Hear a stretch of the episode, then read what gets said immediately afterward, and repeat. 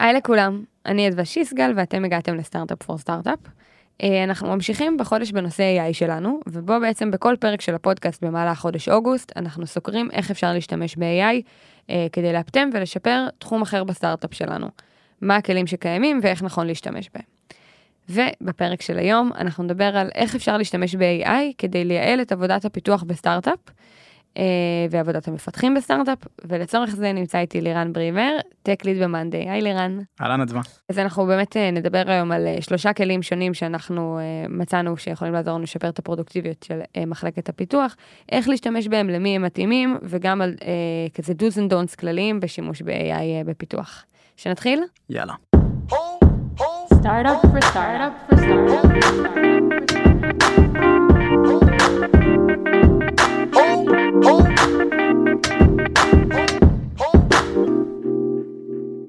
אוקיי, okay, אז בוא רגע נתחיל את הפרק מלהבין למה אתה פה, למה אנחנו מדברים על זה איתך. אה, אז אה, זה התחיל בזה שפשוט אה, דחפתי קצת לארגון את קו-פיילוט, את אחד מכלי AI שעוזרים למפתחים, ובלי שום קשר אני ככה קצת חופר לאנשים על AI, סתם כי זה פשוט נושא נורא מעניין. וה-VP R&D שלנו סרגי ביקש ממני להיות uh, שנקרא עם יד על הדופק ולפתוח עין לחפש כלים שבאמת יכולים uh, לנצל את המומנטום הזה בכלים חדשים כדי לשפר את הפרודקטיביות uh, של ה-R&D אצלנו ולראות איפה זה יכול לעזור לנו. מעולה, ו- ואיפה זה באמת יכול לעזור לנו? זאת אומרת, מה בעצם ההזדמנות uh, בשימוש בכלי AI, ב-R&D?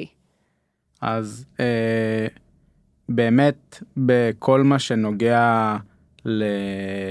לעבודה שהיא מאוד uh, חוזרת על עצמה ושבלונית, רפטטיבית, הרבה מה... מהעיסוק של המפתח, uh, שנקרא לזה, הוא לא דורש אה, יותר מדי מומחיות ותשומת לב הפרטים הקטנים, אז אפשר באמת, אני מאמין, ל... ל... להגדיל את הפרודקטיביות ב-10-15 אחוז. אה, והמשמעות של זה היא מטורפת אם כאילו ארגון כמו monday מגיע ל-300 עובדים זה עוד משהו כמו 50 מפתחים וזה עוד משהו כמו 50 מפתחים שגם יכולים להתעסק בחלקים ה... היותר פרודקטיביים ויותר חשובים שבשביל זה לקחו אותם. כן, זה בעצם מפנה אה, הרבה זמן, אה, אני מניחה, אה, להתעסקות ולחשיבה ולפתרון של הבעיות הקונקרטיות, ופחות לכתיבת שוב ושוב חלקי קוד רפיטטיביים, או... בדיוק. או דברים כאלה, אולי זה זמן טוב להגיד בפרק שאני לא כל כך מבינה בפיתוח, ולכן יש סיכוי שאני אה, אפול פה בלשוני, סומכת עליך שתתקן אותי. אה, עכשיו, כן, אני חושבת שאלה מתבקשת, אה, יש הרבה דיבור כשמדברים על AI, אה, אה, חשש שהוא יחליף אותנו בסוף. זה קיים גם אצל מפתחים, האם זה משהו שצריך לחשוש ממנו? אז אה, קודם כל, בגדול, כן, אני חושב שכולם צריכים לחשוש מזה, בגלל שאין ספק ש... it's coming ו-AI כן ידע לעשות הרבה מאוד מהעבודות שהיום, אה, שהיום אנשים עושים, אה, ולכל הפחות הוא ייעל אותם כל כך הרבה שיצטרכו פחות מהם. אה, אבל מה שכן, בסוף זו, בסוף AI זאת מכונה סטטיסטית שעיקר החוזקה שלה זה באמת מה שאמרתי קודם, זה המשימות הרפטטיביות, השבלוניות, שיש לך עצי מצבים ואתה יכול לכתוב את הסקריפט של איך לבצע דברים. אה, ודווקא העבודה של מפתחים היא יחסית רחוקה בשרשרת הזאת, כי רוב העבודה של מפתח, בטח מפתח מנוסה, זה לא בסוף אה, לכתוב שורות קוד, רוב העבודה שלך זה לקבל החלטות בין trade-off ים, בין ביצועים, בין החלטות פרודוקטליות, לתעדף, לעשות אינטגרציה בין אנשים, בין צוותים, בין חברות שונות, בין מוצרים שונים. אה, וזה המקום שבו לדעתי זה מאוד מאוד רחוק יחסית בשרשרת. אז כן שווה לכל אחד לוודא שבאמת רוב העבודה שלו זה לא איזה משהו מתוסרט כזה שחוזר על עצמו. אה, ותחת ההנחה שזאת לא רוב העבודה של מפתחים יחסית אני חושב שזה מקצוע בסייף סייד מה שנקרא. אוקיי, מעולה. קודם כל שמחה בשבילך. מקווה שגם עבור אה, מפיקי הפודקאסט אה, זה יישאר אותו דבר.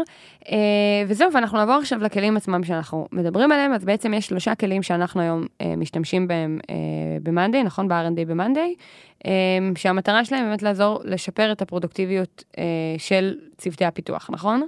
בגדול כן, כאילו כל הזמן נכנסים ובוחנים כלים. יש שלושה ש... שיחסית uh, הכנסנו לאחרונה וש... יותר מאמין בהם. הראשון זה באמת קופיילוט, שזה החבר'ה שכתב, של OpenAI שכתבו את ChatGPT, מאחורי הקלעים הוא גם מבוסס על, על אותו מודל בבסיס של ChatGPT, וזה בגדול כמו עוד מפתח שיושב לך מעבר לכתף.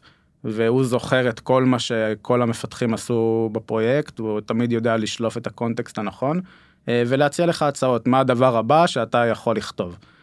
אה, יש להם עוד הרבה תוכניות להרחיב את זה בהמשך, אבל זה עיקר החוזקה שלו, באמת אה, קוד רפטטיבי, קוד שחוזר לעצמו, קוד יחסית טריוויאלי, או איך במקום שתחפש מידע באינטרנט, הוא כבר נותן לך את ההצעה המותאמת אישית.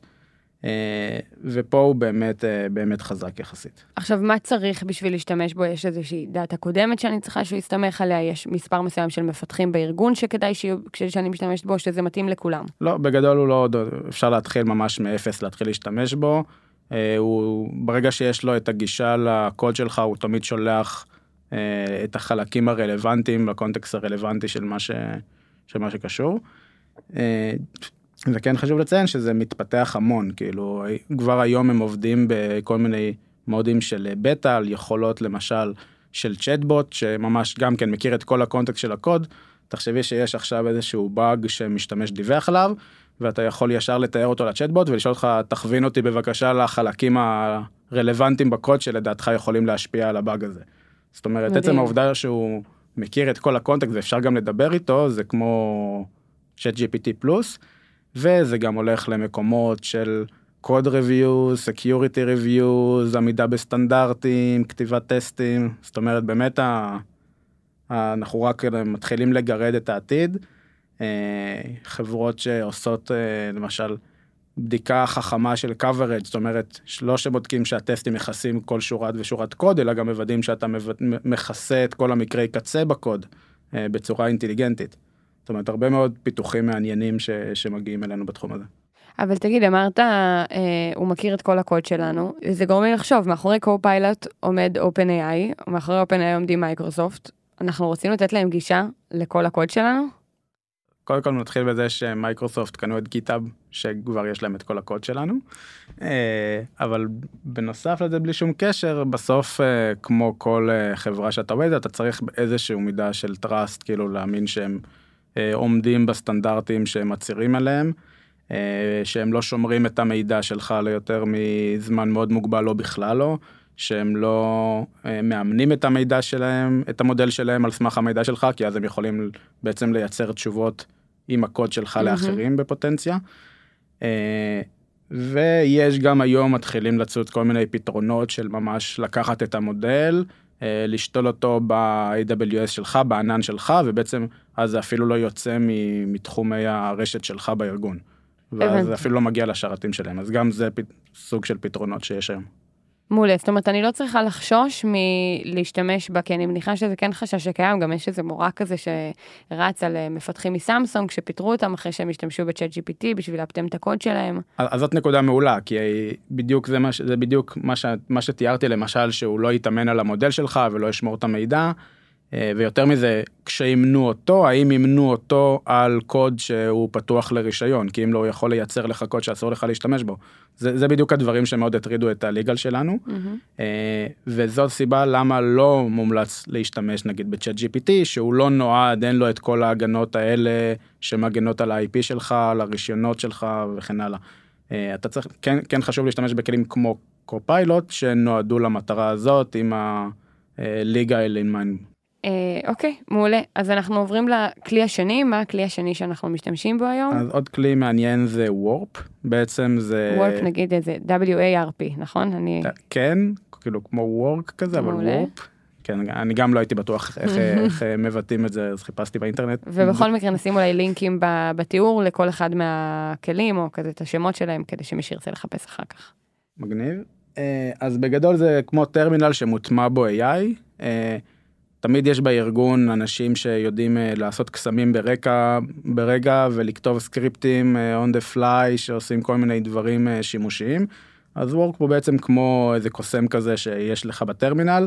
אתה יכול עכשיו לשאול אותו דברים פשוטים יחסית כמו תסנכרן לי את ה git repo שלי שהקוד שלי יהיה מסונכרן מול השרת ואתה יכול להגיד לו תכתוב לי שנייה סקריפט ששולח בקשה לשרת כל, אה, כל חצי שנייה ומוודא שאין אה, קפיצות בתשוב, בזמן שלוקח להחזיר תשובה.